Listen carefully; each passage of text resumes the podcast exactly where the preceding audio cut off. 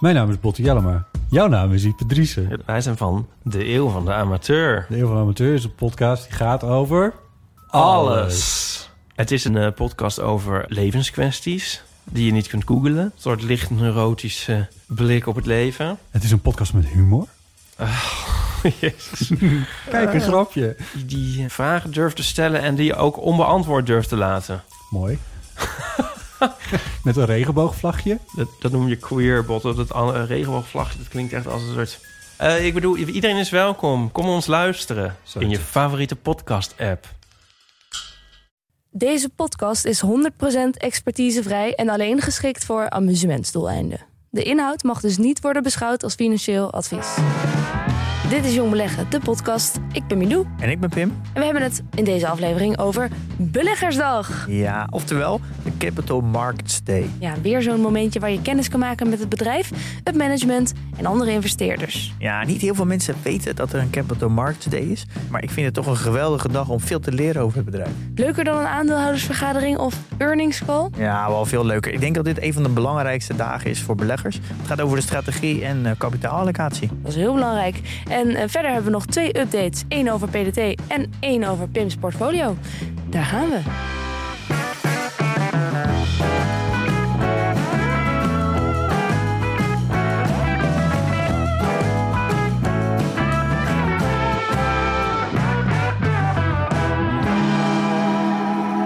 Ja, Miel, wat, eh, wat ziet er gekleurd uit? Ja, ik eh, heb een weekje in de zon gezeten.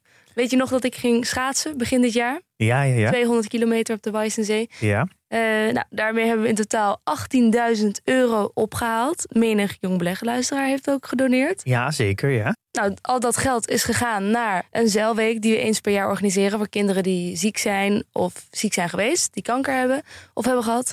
Nou, dat was vorige week en het was echt eh, geweldig. Je viel wel met neus in de boter met eh, het weer. Absoluut. Ja, het was een droom. Doet, doet het jou ook wat, zo'n week? Ja, het is, je zit gewoon die hele week met één groep, 30 kinderen en ongeveer ook 30 begeleiders. Eh, een deel is een medisch team, ik ben het zeilteam en er is ook een creatief team en je hebt nog de keuken. En het enige doel wat je eigenlijk met elkaar hebt, is het zo gezellig mogelijk maken, zo leuk mogelijk. Ja, om die gewoon- kinderen eigenlijk een, een, even te vergeten dat ze ziek zijn. ja, en doe het gewoon één groot feest worden. En als je leven zo in het teken staat van alleen maar lol en plezier maken en eh, die kinderen nou, de- week van hun leven geven, eh, dat is gewoon wel heel bijzonder. En zeker als je dan ziet dat het is gelukt aan het einde van de week en ze gaan allemaal weer naar huis. Ja, dat het was gewoon, ik ben een soort van emotioneel ontploft Ja, dat eh, ik wel, ja. op dat moment. En, en daarna echt herboren. Zo voelt het een beetje. Al die emoties en die. Eh, nou, ik kan hier weer een, een jaar op vooruit. Ja, en je wel. ziet die kinderen ook wel echt eh, Want hoe oud zijn die kinderen? opleven. Ja, tussen de 10 en de 15 Ja, ongeveer. Ja. En je ziet ze echt in de gedurende week helemaal loskomen. En wat me ook opvalt, en dat is nog even iets wat ik ook nog wel wilde vertellen. Ik heb ook heel veel les gegeven op deze zeilschool. eh, in gewoon zomers met kinderen die niet ziek zijn of ziek zijn geweest. En het verschil wat ik zie met de kinderen die er deze week waren, is ze zijn gewoon zo ontzettend lief voor elkaar. Ze zijn veel zorgzamer. Ze zullen nooit bijvoorbeeld ook het laatste snoepje nemen. Of onaardig zijn tegen elkaar. Als je stop zegt, dan houden ze ook op. Ze houden echt rekening met elkaar. En ik vond dat gewoon echt stuk voor stuk. Ik vind dat zo'n opvallend verschil. ja. Het zijn echt bijzondere kinderen eh, in de positieve zin van het woord. Ja, nou ja. Dus het doet toch wat met je als je ziek bent, denk ik. Ja, ja. Ja. je, je moet misschien wel snel volwassen worden of zo. Ik weet niet wat het is. Ja. Eh, maar dat, dat vond ik heel bijzonder om te zien. En het is ook leuk voor die kinderen dat ze hun verplegers en hun dokters die ze normaal in het ziekenhuis zien, dat die ook in deze week erbij zijn. En dat ze die dan ook eens van de andere kant zien. Ja, meer op een manier. ja, dus al met al denk ik voor iedereen een eh, bevrijdende, Nou. louterende ervaring. Ja. Goed, ja, even duidelijk, je, je doet dit vrijwillig. Ja. En eh, in ieder geval iedereen die eh Milou heeft gesteund, wat eh, heeft gedoneerd, eh, nogmaals bedankt. ja, heel veel Eh, dank. bijzonder dat je dit doet, eh Milou. Ja, het was Zie ook eh, dat je ervan genoten hebt. zeker herboren, ik zei het al. Dus eh, ja, iedereen ontzettend bedankt daarvoor nog. Ja, dus eh, hoe... Oh, trouwens, er is ook een, ik heb er een podcast van gemaakt. Elke dag heb ik een aflevering opgenomen met die kinderen. Als je nou nog meer, meer een beeld wil van wat hier is gebeurd allemaal, wat we hebben gedaan, dan kun je luisteren naar de Zotcast. de zotko- Ik zal even een linkje in eh, Ja, de show notes zetten. dat is goed. Ehm, ja, Nou, nu eh, beleggen dan weer, hè? terug naar beleggen. Ja, we hebben het vandaag over de Capital Market Day. Ja, ook, wordt ook wel Investor Day genoemd. Ja, in Nederland dan eh, Beleggersdag. Ja, Ja, ik dus, vind een beleggersdag of investor day wel meer klinken als een feestje. Ja, je ziet ook wel bijvoorbeeld Tesla noemt het Investor Day. En de wat meer traditionele bedrijven noemen het vaak Capital Markets Day. Oké. Dus het is een beetje, verschilt een beetje, maar het komt eigenlijk een beetje op hetzelfde neer. Ja, want het is niet per se een feestje, toch? Nou, ik vind het het, het allerleukste om naar te kijken. Dus voor mij is het wel eigenlijk een feestje. Van alle momenten die je kan bekijken vanuit het management, is dit by far het leukst. Dit is eigenlijk de reden waarom ik beleggen het leukst vind. En het analyseren van bedrijven het leukst. Waar zit dat dan in? Wat, is, wat betekent zo'n capital market day voor jou? Nou, je, je, hebt, je hebt natuurlijk je hebt meerdere momenten dat het management eigenlijk naar, naar buiten communiceert. Er zijn naar aandeelhouders. Je hebt natuurlijk de Ja. aandeelhoudersvergadering. Daar hebben we een aflevering over gemaakt. Aflevering 100. De earnings call met Stefan Hendricks in 127. Dat is natuurlijk ook een moment dat het management aan het woord komt. En dat zijn vaak per kwartaal en dan één keer de jaarcijfers. Maar het is allemaal een beetje zenden. Het is een beetje het stug vaak. En bij de Capital Markets Day, daar wordt veel meer eh, over de toekomst gesproken. Daar wordt eigenlijk een soort van stip op de horizon gezet. Hier gaan wij de komende tijd naartoe. En zo denken we dat te bereiken. Dus het is van een strategische Oh, meeting. En het gaat heel erg over kapitaalallocatie. Dus het is een, eh, ja, meer strategisch in de vorm. Dit zijn onze doelen. Ja. En zo gaan we ons kapitaal de komende vijf jaar allokeren. ja, dus dit gaat naar research and development. Eh, dit gaan we uitkeren aan aandeelhouders. Overzicht met al hun geld, waar ze het gaan neerzetten. Ja, dus eh, nou, er wordt vaak verteld, nou, dit is onze eerste focus. We gaan eh, zoveel procent van onze omzet aan capex doen. En zoveel gedeelte gaat gefocust op nieuwe groei, op meer R&D. Dus focussen op een nieuwe markt aanboren. We willen graag onze groei vasthouden. En die, groei in de huidige markt stagneert. Dus we moeten nieuwe markten aanboren.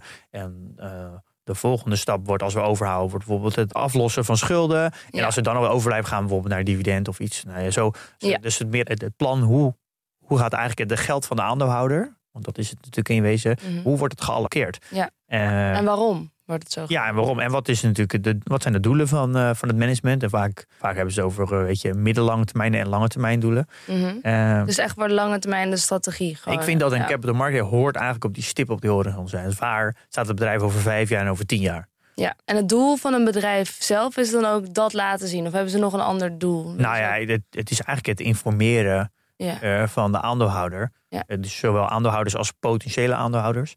Eh, om, ja, om eigenlijk te vertellen, wat is, het, dat is de toekomst van dit bedrijf? Dus ze Eh, willen dat ook wel zo aantrekkelijk mogelijk presenteren natuurlijk. Ja, Eh, ja nee, natuurlijk. Ja, dus het, is het, het is een beetje een soort van promotieachtig... eh beetje je bedrijf in etalage zetten. Zo hoort het eigenlijk te zijn. En de Capital Market Day wordt...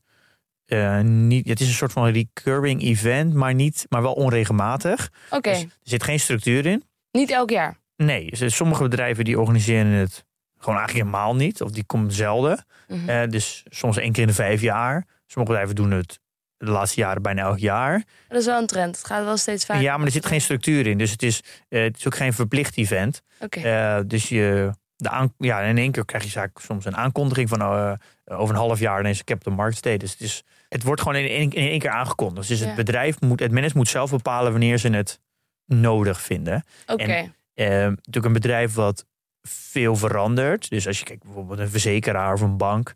Ja, daar zal niet zo heel vaak een capital market tegen georganiseerd worden. Omdat het namelijk gewoon, het is een, altijd hetzelfde business. Een beetje Ja. hetzelfde als, als Ahold. Ja, er verandert niet zo heel veel. Dus Dan krijg je elk jaar... Ja, we gaan eigenlijk wel weer hetzelfde doen als vorig jaar. Eh, je kunt ook de Capital Market Day van vorig jaar terugkijken. ja, maar dan heeft het dus geen zin. Dan heeft het dus geen zin. Eh, dus de bedrijven waar veel reuring in zit, vaak groeibedrijven natuurlijk, of een bedrijven waar, waar de markt heel erg verandert, daar is natuurlijk een capital market day natuurlijk veel belangrijker, want je moet, ja, je, je kan je strategie, die kan bijgestuurd worden. Dan moet je dus wel je, je, je aandeelhouders daarin meenemen met de strategiewijziging of de, de koersverandering. Ja. Eh, dus het is een beetje afhankelijk van in welke type bedrijf je belegt. We gaan zo ook nog wel wat voorbeelden en bespreken. Maar ik vind Ja. het zelf het allerleukste moment om naar het bedrijf te kijken. Het zegt ook, je ziet ook zo goed het management over hoe kunnen ze een strategie uitleggen. Ja, geloven ze er zelf in? En ook de aannames die ze maken. Hè, van, eh, ze gaan natuurlijk altijd eh, projecties zeggen voor, nou wij verwachten dit op vijf jaar, dit qua omzet en dit qua groeipercentage. En dan moeten ze natuurlijk gaan onderbouwen. Dan Mhm. kan je natuurlijk voor jezelf natuurlijk, eh, ja, moet je even gaan nadenken van, ja, is deze groei wel realistisch? Is het niet te Ja. overdreven? En waar baseren ze die groei dan op? Welke aannames maken ze om die, om die groei te halen? En mag je daar dan ook mee over in discussie? Of is het eh, gewoon Nou ja, echt... Ja, heel traditioneel is het eigenlijk wel zo dat het natuurlijk. eh, eh, laten we een beetje de structuur kijken. Kijk, je begint Ja. eigenlijk eerst met een, met een introductie. Daar wordt er een beetje verteld over hoe ze er nu voor staan, wat de mijl- mijlpalen zijn. Vaak refereren ze naar de vorige Capital Market Day. Ja. Dan komt vaak die CFO, die gaat wat financiële resultaten bespreken. Zitten ja. ze dan ook met elkaar aan zo'n lange tafel weer? Met dat hele team tegenover een publiek? Ja, maar dat is dus echt. eh, wat jij refereert nu naar de eh, aandeelhoudersvergadering Ja. van, eh, van Just Eat. Ja dat, dat, ja, dat is heel saai. Maar vaak een capital market is veel losser. Is veel meer. Is vaak meer een presentatie. Het is meer een, een bijna een soort van theaterachtige opstelling. Dus Ja, gewoon een. Zoals Steve Jobs de iPhone eh presenteerde. Ja, zo kan je het wel een beetje zien. In ieder geval ligt een beetje hoe groot het bedrijf is natuurlijk. Dus Ja. hoeveel budget ze hebben om dit aan te pakken. Maar een Capital Market Day wordt wel, wordt wel echt gezien als een soort van event. Dus een, Ja. het moet allemaal wat leuker. Het Er is een borrel. ja, dus het is, eh, eh, nou bijvoorbeeld Tesla, die heeft het georganiseerd in de Kika Factory in Texas. Dus die doet het gewoon in de fabriek waar ze de auto's maken. Ja. Kijk, want het idee is wel een beetje, het is een soort van, je ziet het als een beetje een open huis van je bedrijf. Dus ja, eh, daar komen we straks ook nog op. Dus eh, eerst, nou, we waren bij punt 2, een beetje ja, de, de eerste introductie en dan... ja, dan eh, het financieel overzicht. Eh, dus dan krijg je een beetje de winsten, de cashflow en zo. Een beetje hoe het bedrijf nu staat, de prognose voor het komende jaar. Een beetje de outlook voor de komende tijd. Dus meer, dat is wel allemaal kort termijn.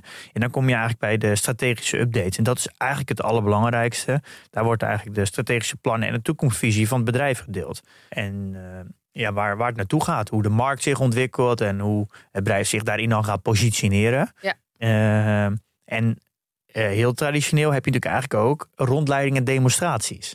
Dus daarom wordt het vaak bij het bedrijf zelf georganiseerd. Want Ja. ik denk dat bij de, in dit geval bij de Tesla eh, Investor Day... dat er ook heel veel mensen een rondleiding kregen door de Kika Factory. Ja. Neem bijvoorbeeld eh nou, Ibusco. Dat is een Nederlandse bussenbouwer. Vrij klein bedrijf nog, maar die heeft een nieuw soort bus ontwikkeld. Dus als zij een Capital Markets Day organiseren... dan wil je natuurlijk eigenlijk ook... Je wil ook gewoon even die, die bus natuurlijk zien. Je wil, weet je, hoe werkt dan zo'n fabriek? Wat maakt jullie nu uniek? Je wil een rondleiding krijgen om gevoel te krijgen bij het bedrijf. Dus het- je moet het een beetje zien als een capital market is een soort van open huis. Ja, leuk. Waar je echt in het bedrijf kan kijken. Waar ook ja, potentiële beleggers ook verleid worden. Of ge- ja, meer informatie krijgen om dat ze het bedrijf beter begrijpen. Dat, Ja. Daar is het eigenlijk traditioneel wel voor bedoeld. Maar Mag dan ook iedereen komen? ja, volgens mij mm, is het voor iedereen eh, toegankelijk. Ah. En als het, ja, al- als het wel als aandeelhouders is, dan moet je gewoon één aandeel kopen.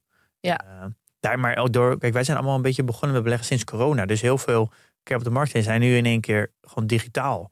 Eh, maar hier, voor corona was het eigenlijk best wel gebruikelijk om het, om het gewoon fysiek op locatie Ja. te doen. Maar als het Bij digitaal bedrijf- is, dan is het waarschijnlijk ook opgenomen. Nee, nee, nee, wel allemaal live. Want je hebt ook altijd op het einde.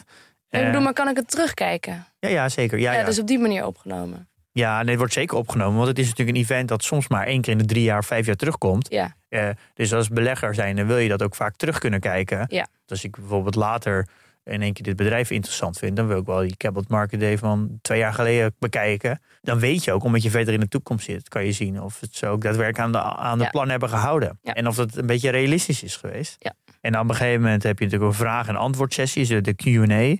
Eh, nou, die zie je altijd eh, bij de. Het is al een heel groot gedeelte altijd van de Capital Market Day. En, en op het einde is het dan het netwerken. Dus het, eh, maar dat is natuurlijk vooral als het fysiek is.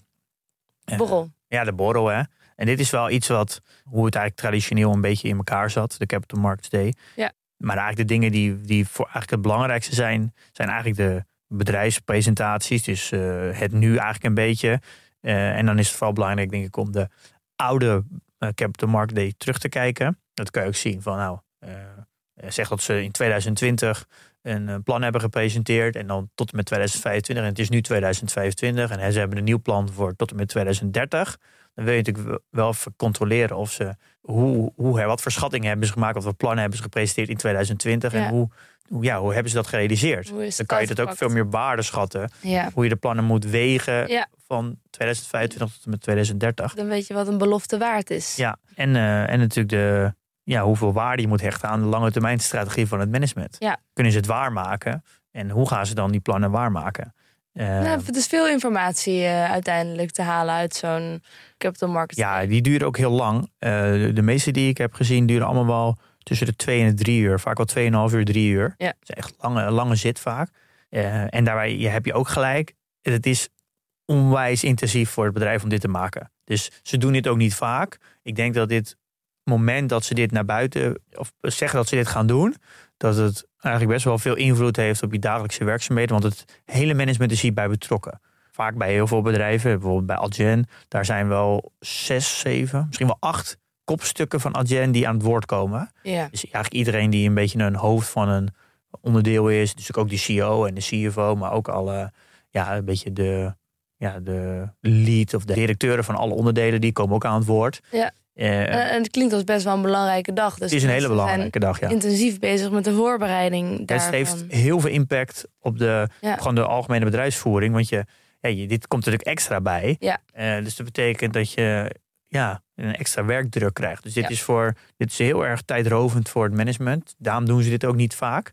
En je, dit is wel echt het moment dat je naar buiten kan laten zien wat de plannen zijn. En eh, je wordt hier ook aan gehouden. Dus het, je kan ook niet zomaar zeggen, doe ik even tussendoor. Ja. Dus dit is wel... eh, ja, je, kan ook, je merkt ook heel snel of dit afgeraffeld is. Of dat dit eh, echt heel doordacht is, goed voorbereid, dat aandacht aan besteed is. Dat merk je heel snel. Jij, Ja, dat, dat zie je gewoon. Dat, dat voel je aan alles. Eh, heb je een voorbeeld van ja, iets wat echt afgeraffeld werd? nou, ik vond bijvoorbeeld die van Egon recent.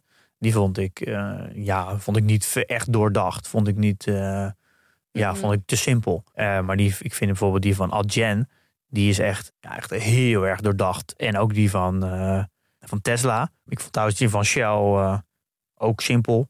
Kijk, het gaat over strategie. En je merkt heel snel wanneer het meer gedaan wordt om de communicatie naar aandeelhouders scherper te krijgen. Dat ze het gevoel hebben, ja, aandeelhouders begrijpen ons bedrijf niet zo. Mhm. Dus het kan ook een beetje paniek zijn van hé, de beurskoers die werkt niet helemaal mee. Ja, jongens, kijk nou wat we doen. Ja, ja, exact. Gewoon de motivatie is van buiten naar binnen. Ja. Maar eh, de beste capital market days zijn, de, zijn niet meer intrinsiek gemotiveerd. Die zijn van binnen naar buiten. En dat Ja. voel je gewoon. Ja, je merkt dat gewoon aan alles. Ja. Dus het heel erg vanuit sterkte of vanuit zwakte. Ja. En dit, dit vind ik, dit is de reden waarom beleggen zo leuk is. Omdat het, het ja, mensen gaan, ze gaan toekomstplannen presenteren. Ze gaan toekomstvisies neerzetten. En ze gaan een stip op de horizon zetten. Ze gaan een, een beetje toekomst voorspellen. Ze gaan ook misschien de toekomst creëren. Ja. Het is een hele leuke manier om, eh, om met beleggen bezig te zijn. En. Het zijn vaak hele goede presentaties. Eh, je leert er vaak een hoop van.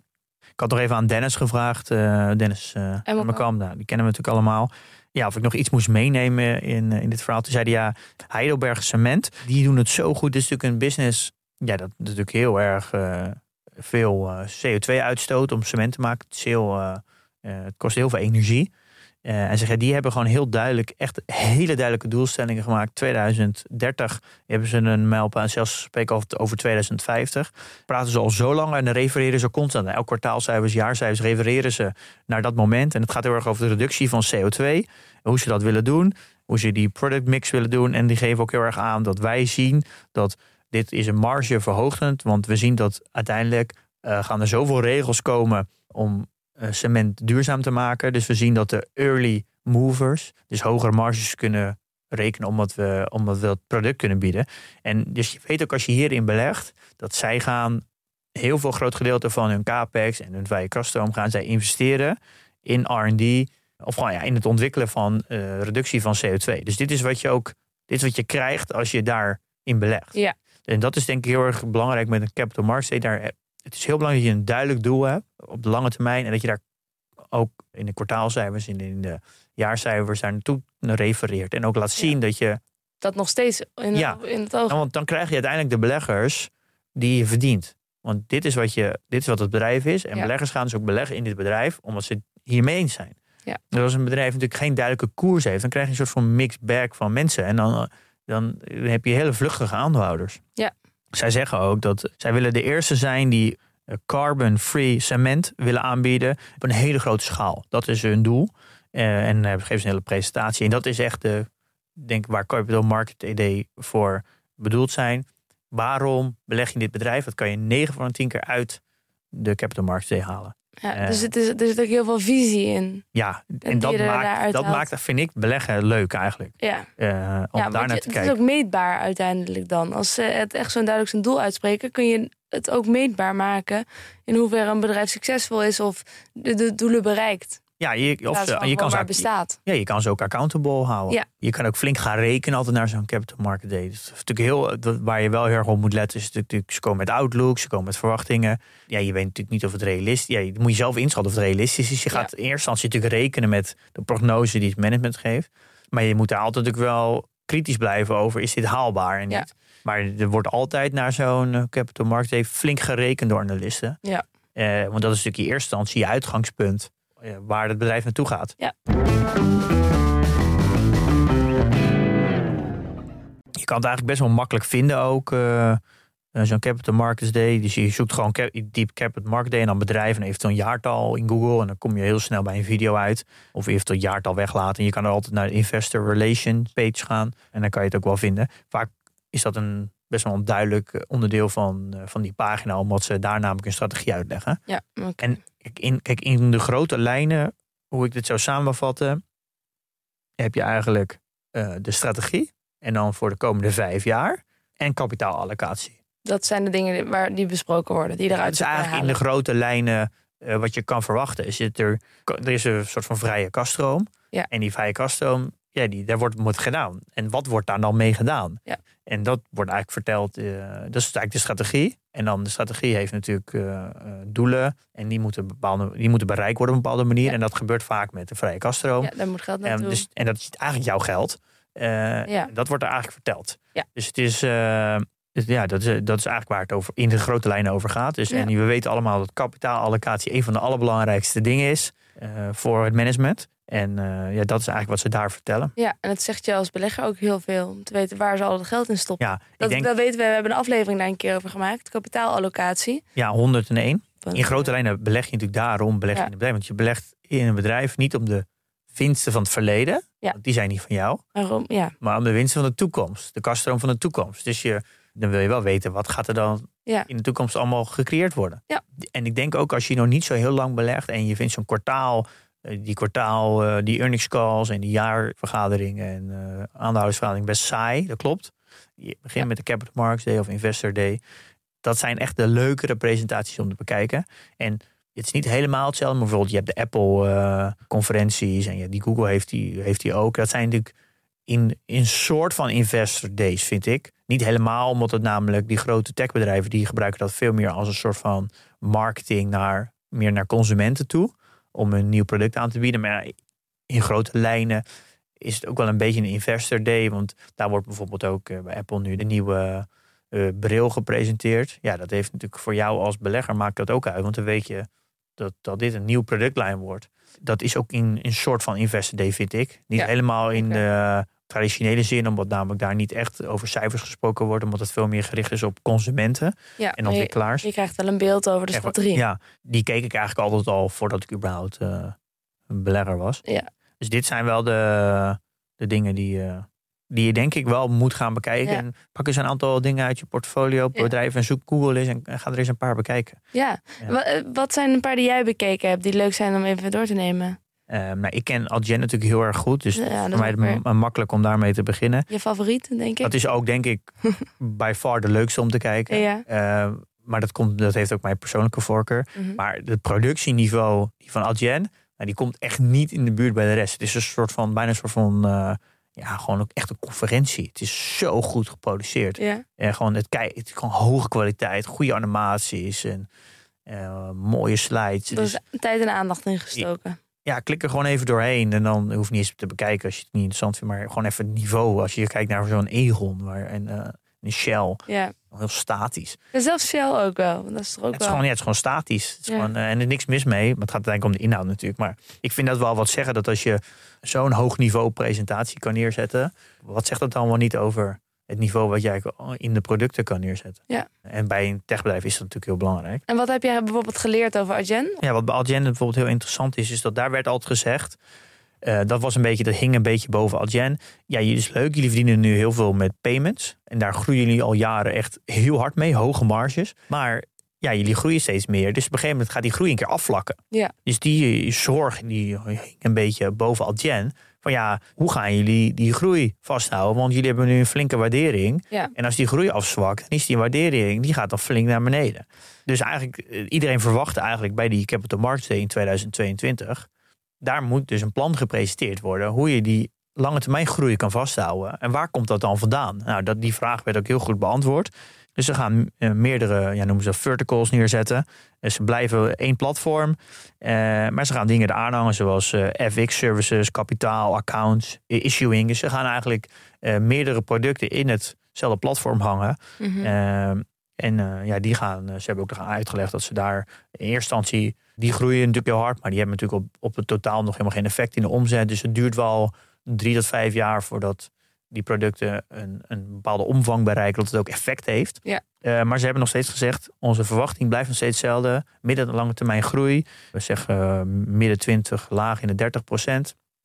Eh, en dat gaan we gewoon geen realiseren met die nieuwe onderdelen. Dus dat hebben ze uitgelegd. Ze hebben uitgelegd dat ze de EBITDA-marge eh 45, 65% haalbaar is op de lange termijn. Maar hij heeft heel duidelijk gezegd, dat is onze lange termijn doel. Maar we gaan op korte termijn, als we kansen zien, dan gaan wij die marge loslaten. Of wij focussen niet op die marge, want wij focussen ons op groei. Eh, Dus als wij kansen zien, dan kan het zijn dat die marge heel erg naar beneden zakt. Maar op lange termijn gaan wij voor 65%. En wat is er dus gebeurd bij vorige cijferpresentatie? Nou, dat ze dus heel veel nieuwe mensen zijn aangenomen, heel erg contra. En dat natuurlijk de eh, EBITDA-marge is naar 50% gezakt. Ja. Hebben ze in 2020 gewoon verteld dat dit, dat dit gaat gebeuren? Dat ze eh, op het moment dat ze kansen zien, dat ze die Ja. EBITDA-marge loslaten. duidelijk dat ze een kans hebben gezien. Ja. Is allemaal verteld. Ja. Is eh, gecommuniceerd. En ze hebben gezegd, lange termijn gaan we op die 65%. En in korte termijn geven we daar geen focus aan en focussen we ons op de groei. Ja, oké. Is ook gebeurd. Nou, heel gek dan de markt reageert erop. Voor me zakt het aan 15% Wat mij dan heel erg verbaast. Dat ik denk, ja, dit hebben ze gewoon heel duidelijk gecommuniceerd. Dus als je aandeelhouder bent in het bedrijf, dan wist je dat, Weet je dat dat kan gebeuren? dat dit ging gebeuren. Nou ja, dus de Mag ik nog heel even, want ik, ik heb moeite met, ik begrijp nu wel wat je bedoelt, maar ik heb moeite met onthouden wat EBITDA precies betekent. Ja, nou, het gaat eigenlijk eens zien als een soort van eh, winstmarge die ze maken op de, op de omzet. Eh, Ja, dus als je meer mensen aanneemt, dan zakt die winstmarge een beetje.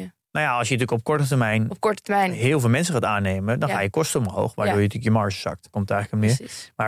Ja, wat ik dus heel fijn vind, ik denk dat dat ook wat, dat waarom het zo belangrijk is dat zo'n capital market, dat je dat ziet, dat is duidelijk daarin gecommuniceerd. Dus op het moment dat dit gebeurde, eh, ik raakte niet in paniek. Nee, Eh, sterker nog, het was voor mij juist een moment, ja, ze houden zich aan hun woord. ja dit, is juist, manier. dit is juist wat ik wil dat er gebeurt, want dit is ook wat ze hebben gezegd Ja. dat, dat ze gingen doen. En je weet dus dat ze een kans hebben gezien. Dus dat is. Ja, en dus ze gingen ook nog eens contra op hiring. Iedereen ging ontslaan, zij gingen aannemen. Ja. Dus ik zit dan echt heel lekker erbij. Ja. Ook al zakt het 15%, eh, geeft mij juist het gevoel. De markt heeft het niet door, die snapt het niet. Ja. Het zou voor mij zelfs een moment zijn om bij te kopen. En dan weet je dus eigenlijk ook meteen dat heel veel mensen in de markt niet kijken naar de Capital Markets Day. Nee, die zijn ook alleen maar met korte termijn bezig. Dat, da- daarom denk ik dat het heel belangrijk is, is dat je zo'n Capital Markets Day bekijkt. Want dan weet je gewoon wat je kan verwachten. En ik denk ook wel dat, vooral bij bedrijven die, bij, bij groeibedrijven, dat als zij niet aan zijn eigen strategie houden, dat dat echt een dikke red flag is om een bedrijf te verkopen. Ja. Want ja, als, je, als ze zich niet aan hun eigen strategie gaan houden en ze gaan eh, een beetje met de min meevaren, ja, wat, wat, ja, wat, ja, wat heb je er dan aan als aandeelhouder? Wat kan je dan verwachten? Dan ben je Ja. eigenlijk al een beetje, eh, een beetje overgegeven. Ja. En dat is uh, ja, Algen een heel mooi, eh, heel mooi voorbeeld. Ik ben ook nog wel benieuwd naar die van Shell. Ja, nou ja, Shell is natuurlijk ook wel een leuk om even te doen. Die is ook natuurlijk van recent. Ehm, Ja? Die hebben natuurlijk een nieuw, 2023?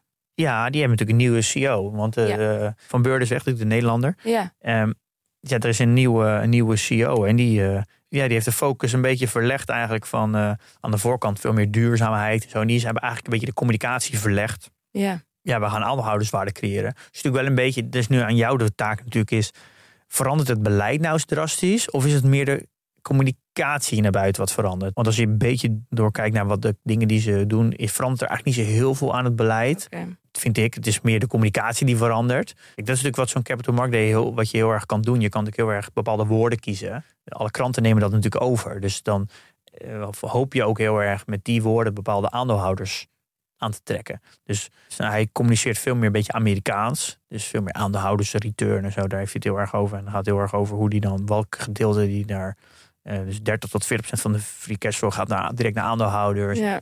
Vanaf welk moment zeggen nou we pakken zoveel schuld en onder die, als we dit percentage schuld hebben, dan uh, de rest gaat naar aandeelhouders. Dus het is gewoon heel erg duidelijk. Dus heel veel mensen kunnen ook rekenen van wat gaat er gebeuren. Uh, dus maar ja, het is een beetje, bij Shell vind ik het wel een beetje, het is niet echt een strategie. Het is meer, het is meer een beetje... Verhaal eromheen. Ja, het is meer een soort van duidelijkheid creëren wat je, wat je kan verwachten bij Shell als je daarin belegt. Dus het is meer een soort van dat je kan gaan rekenen en dat je dan, Ja. dat je dan ook weet wat je krijgt.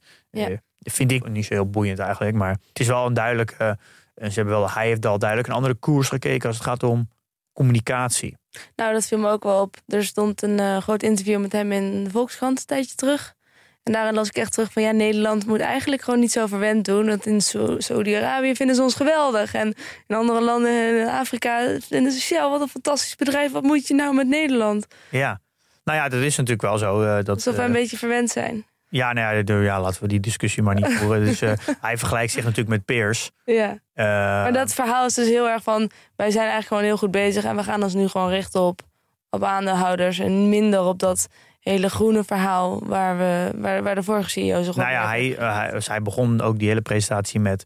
wij gaan voor aandeelhoudersreturn uh, met het verlagen van CO2 of zo. Iets in die combinatie. Zij kiest een soort van, wij willen zowel een goed bedrijf zijn voor aandeelhouders... Ja. eh, die ook een beetje dezelfde multiple heeft... dezelfde waardering heeft als de, als de Amerikaanse peers. Maar wij zijn er ook om onze verantwoordelijkheid te pakken... en CO2 te verlagen. Ja. Maar hij geeft wel aan... en dat is misschien een beetje een, een andere koers... of misschien een andere verwoording Ja, is dat, maar wij gaan, het niet, wij gaan het niet sneller doen dan, dan de maatschappij doet.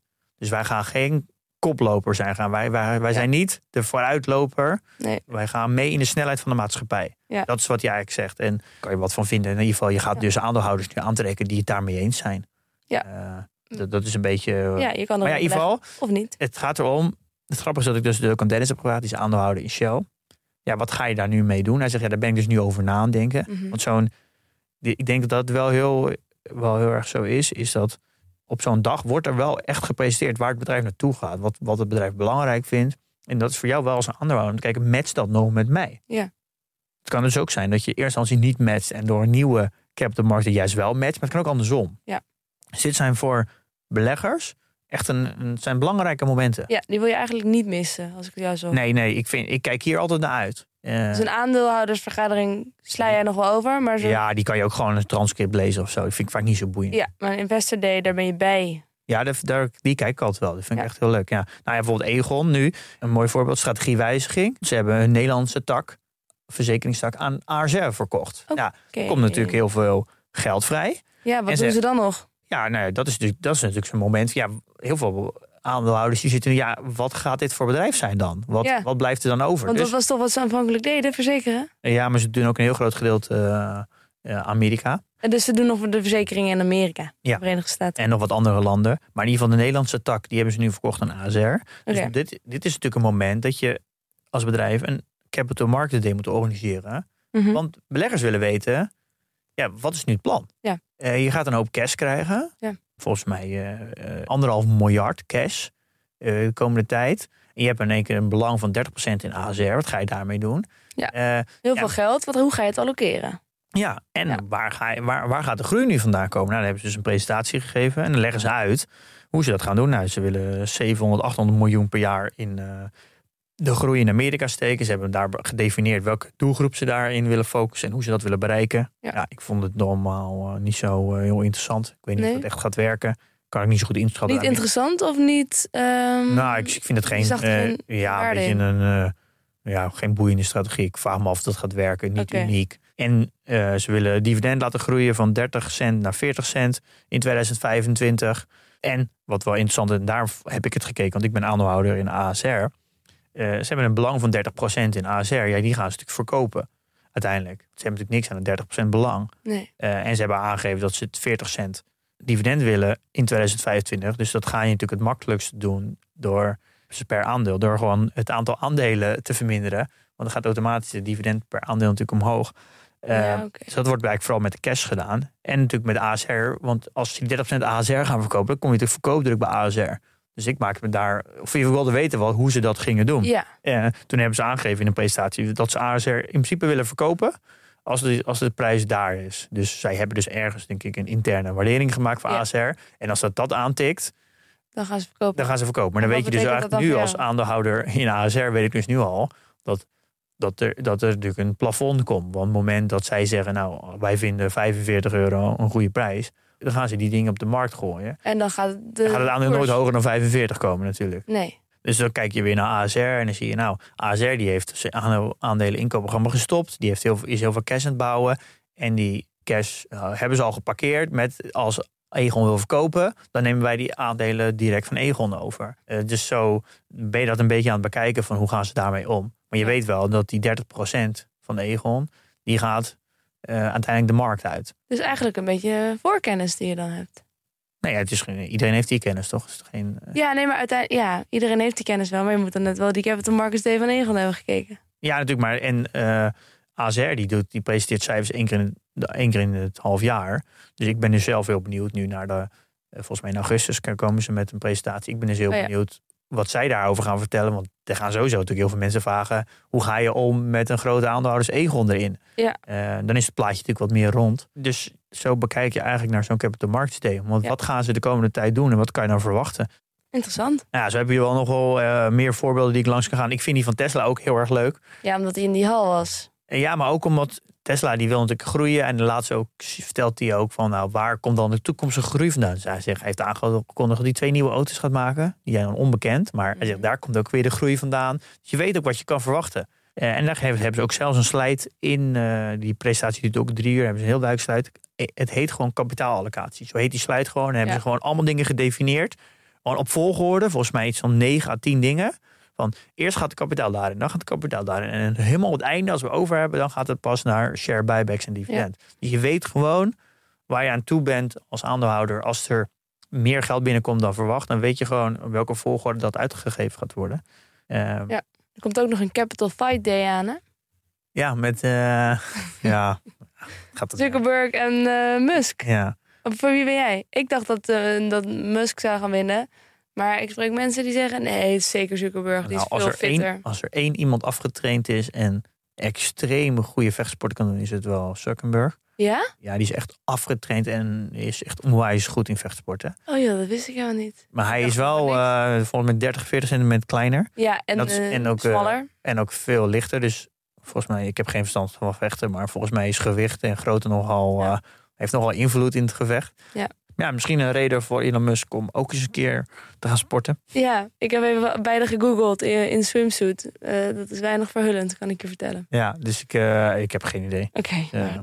nou, blijkbaar is het hip. Misschien moet ik ook maar iemand gaan uitdagen. Een andere podcast maken of zo. Ja, eh, misschien zijn er nog gegadigden. Ik kijk even om me heen. Eerst Ja. gaan trainen, hè Pim? Dat wel. Ja, inderdaad. Ja. Ja. Dus nou, ik heb nog wat andere voorbeelden op de website gezet. Maar ik denk dat het, het verhaal wel duidelijk is. Ja. Ehm, Ja. Ja. Ga dat kijken. Ik ben best wel geïnteresseerd geraakt.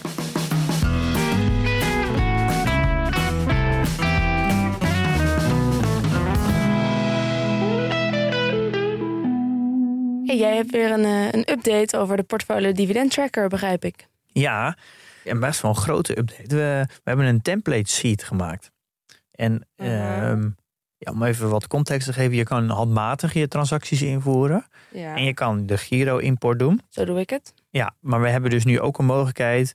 eh, we hebben een, eh, een Google Sheet template gemaakt. Dus dan kan je dus nu ook al je transacties in een Google Sheet invullen. Ja. En die link plakken in PDT, dus die unieke link om te delen. En dan halen wij automatisch al je transacties op uit die sheet. Maar dat is dan toch eigenlijk nog steeds een beetje handmatig? Ja, alleen wat het dus makkelijker maakt, is dat je kan een export, als je bijvoorbeeld bij Saxo zit of bij Interactive Brokers, kan je natuurlijk daar een export doen en die kan je plakken in Excel. Dus altijd moet je natuurlijk echt helemaal handmatig typen. Dus dan moet je misschien, maar dan kan je wat meer gewoon hele kolommen Ja. eh, schuiven. Oh, dus handig. het maakt het natuurlijk allemaal Ja. wat sneller. Ja, dit- vooral als je geen, niet bij de Giro zit. Ja, Ja. en dit opent voor ons natuurlijk ook de mogelijkheid om.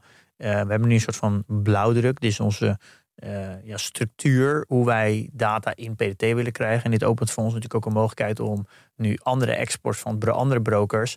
een soort van formatting, een format Ja. te maken. Dat we dat kunnen. Ja, ze ziet als een soort van converten van Ja. het ene format naar het ons format toe. Nou, Het klinkt weer als tovenarij. dus dit is weer een stapje dichterbij om het nog makkelijker te maken om ook PDT te gebruiken als je niet de Giro hebt. Ja. Eh, je kan de sheet gewoon, eh, gewoon gebruiken. eh, en het synchroniseert automatisch. Als je iets in de sheet zet, dan komt het automatisch ook in PDT. We hebben ook wat screenshots op de website gezet als je die wil bekijken. En je, je kan PDT eh, zeven dagen natuurlijk eh, gratis proberen als je dat wil even wilt testen. En we hebben dit getest met 20 beleggers. Wat we dus nu steeds vaker gaan doen, is dat we een, een groepje beta-testers, heet dat. Proefkonijnen. Ja, dus we zetten een groepje mensen bij elkaar die dan deze functie al mag testen. En die gaat dan eigenlijk al de kleine foutjes eruit halen. Want we worden steeds groter. Dus als we dit natuurlijk in één keer naar duizenden mensen sturen, dan krijgen we natuurlijk vaak heel vaak dezelfde reacties terug van Ja. die doet het niet. Ja. Dus we, we, we zetten het eerst af in een klein groepje. Ja. Die gaan al wat testen. Mensen Ja. die het leuk vinden om daarmee te werken. Ja, dan krijgen we al, halen we al wat foutjes uit. En dan kunnen we dus een beter product met minder foutjes naar iedereen sturen. Slim. Eh, en daar hebben we ook wat voor gebouwd. En dat heet eh, de Future Flags.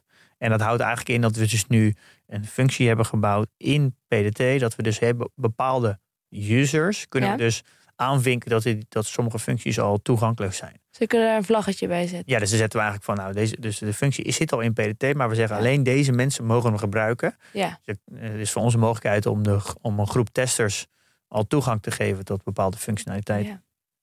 Ja, Ehm, feature. dus dit is voor ons dan weer een, eh, ja, het ziet als een soort van professionalisering ja. van de software en dat het voor ons makkelijker maakt om nieuwe updates te shippen Ja. die minder foutjes bevatten. En je vergroot eh, het aantal mensen dat er aan mee kan doen. Dat er gebruik van kan maken. Je maakt het veel toegankelijker op die manier. En uiteindelijk is, kijk, eh, een soort van wat wij willen is natuurlijk uiteindelijk hoe smooth het is om met de Giro eh, een import te doen. Willen we uiteindelijk natuurlijk met elke broker doen.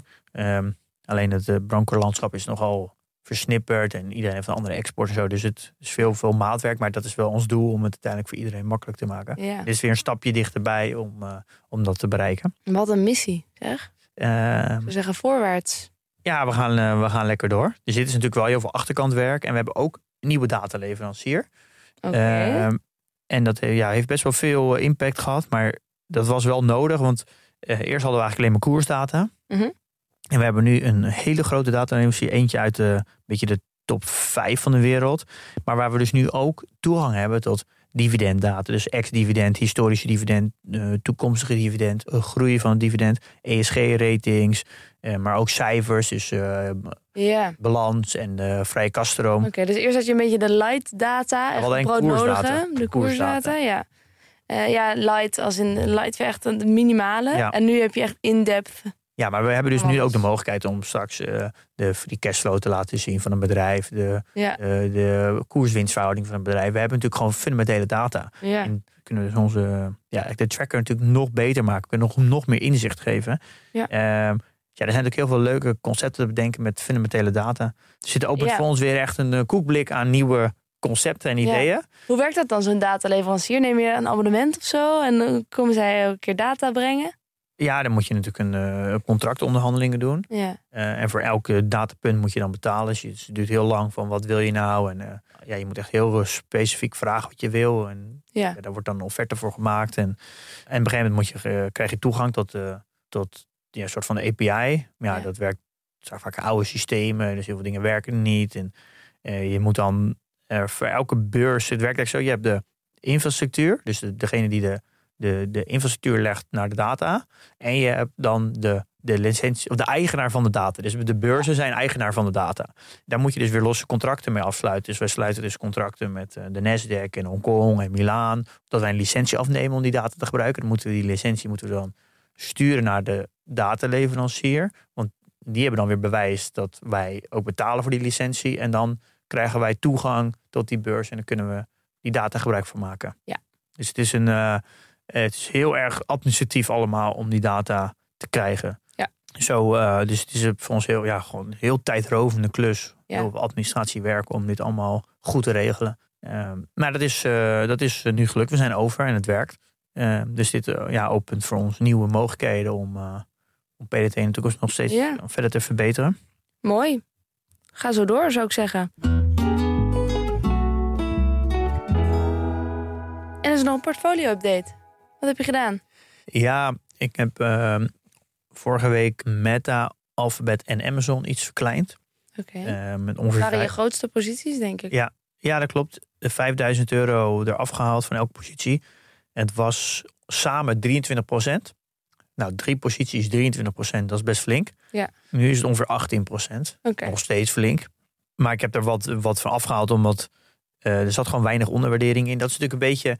Ik, ik heb, mijn strategie is, is toch wel heel erg gewaardering gebaseerd. Dus het is niet echt buy and hold. In het idee van, ja, ik koop gewoon een goed bedrijf, ongeacht wat het op dat moment, eh, ja, wat, wat, hoeveel het waard is, ga ik het niet verkopen. Dus als het, bij mij is het wel, als het extreem overgewaardeerd is, dan gaat het er gewoon uit. Ja. Dat, dat is nu mijn strategie. Misschien ga ik het in de toekomst nog wijzigen. Dat zijn wel een beetje mijn keuzes, die, Ja. waar ik mijn beslissing op baseer. Dus het probleem is dan heel erg dat zeg dat je een portefeuille hebt van, even simpel gezegd, 20 aandelen met allemaal 5%. En zeg dat ze allemaal dezelfde korting hebben. Ze allemaal 20%, zeggen we even, even hypothetisch. Ja. Maar er gaan dus een aantal aandelen, die, eh, die aandelen gaan omhoog. Ja. Dat betekent dat de korting eruit loopt. Dus dan heb je, heel, dan heb je een aandelen met 0% korting. Dus eigenlijk gewoon die op de fair value zitten. Maar die hebben dan automatisch ook de grootste weging. Er zijn aandelen die verder zakken, waar de korting groter wordt. Die hebben dan de kleinste weging. En dan krijg je natuurlijk eigenlijk een, precies het omgekeerde wat je wil in, port, in je portefeuille. Je wil namelijk dat je grootste posities de meeste korting hebben. Ja. En de kleinste posities de minste.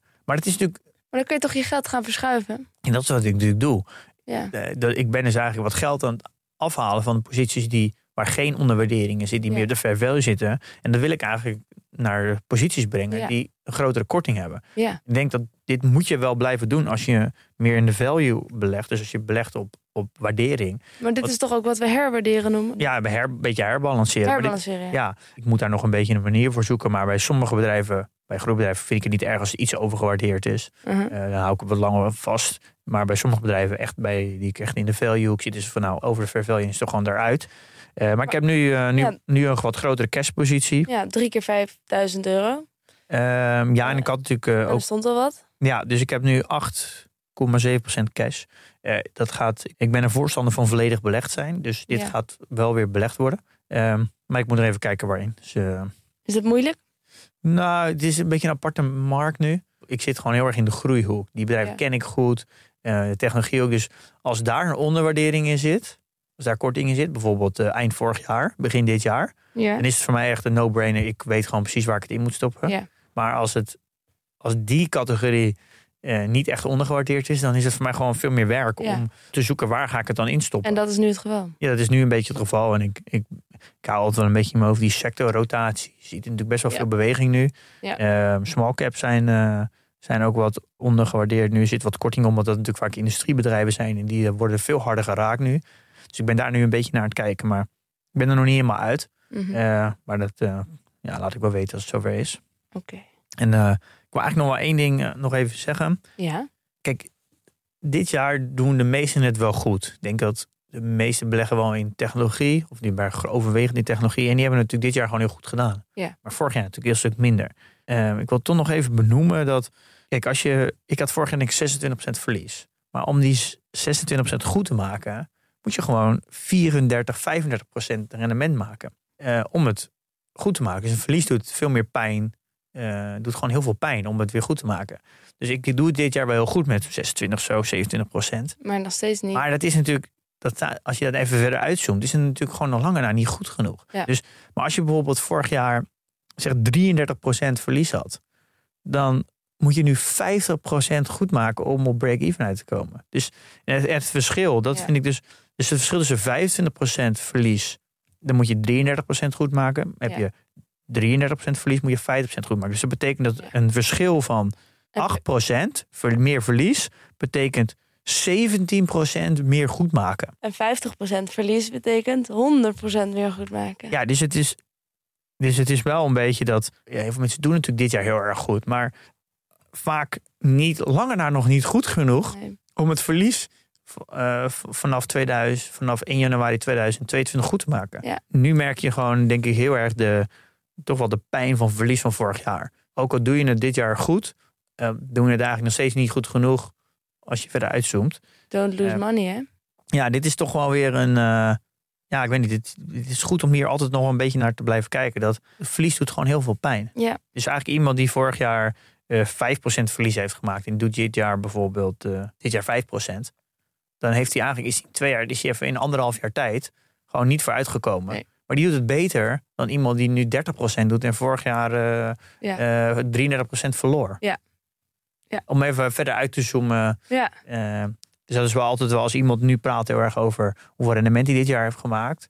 Is al de eerste vraag die je moet stellen van... eh, ja, hoeveel, wat was je ren- rendement vorig jaar? Als je, als je dit jaar der- 25% doet en je had vorig jaar maar een verlies van 5%, dan doe je natuurlijk extreem goed. Ja, ja, ja.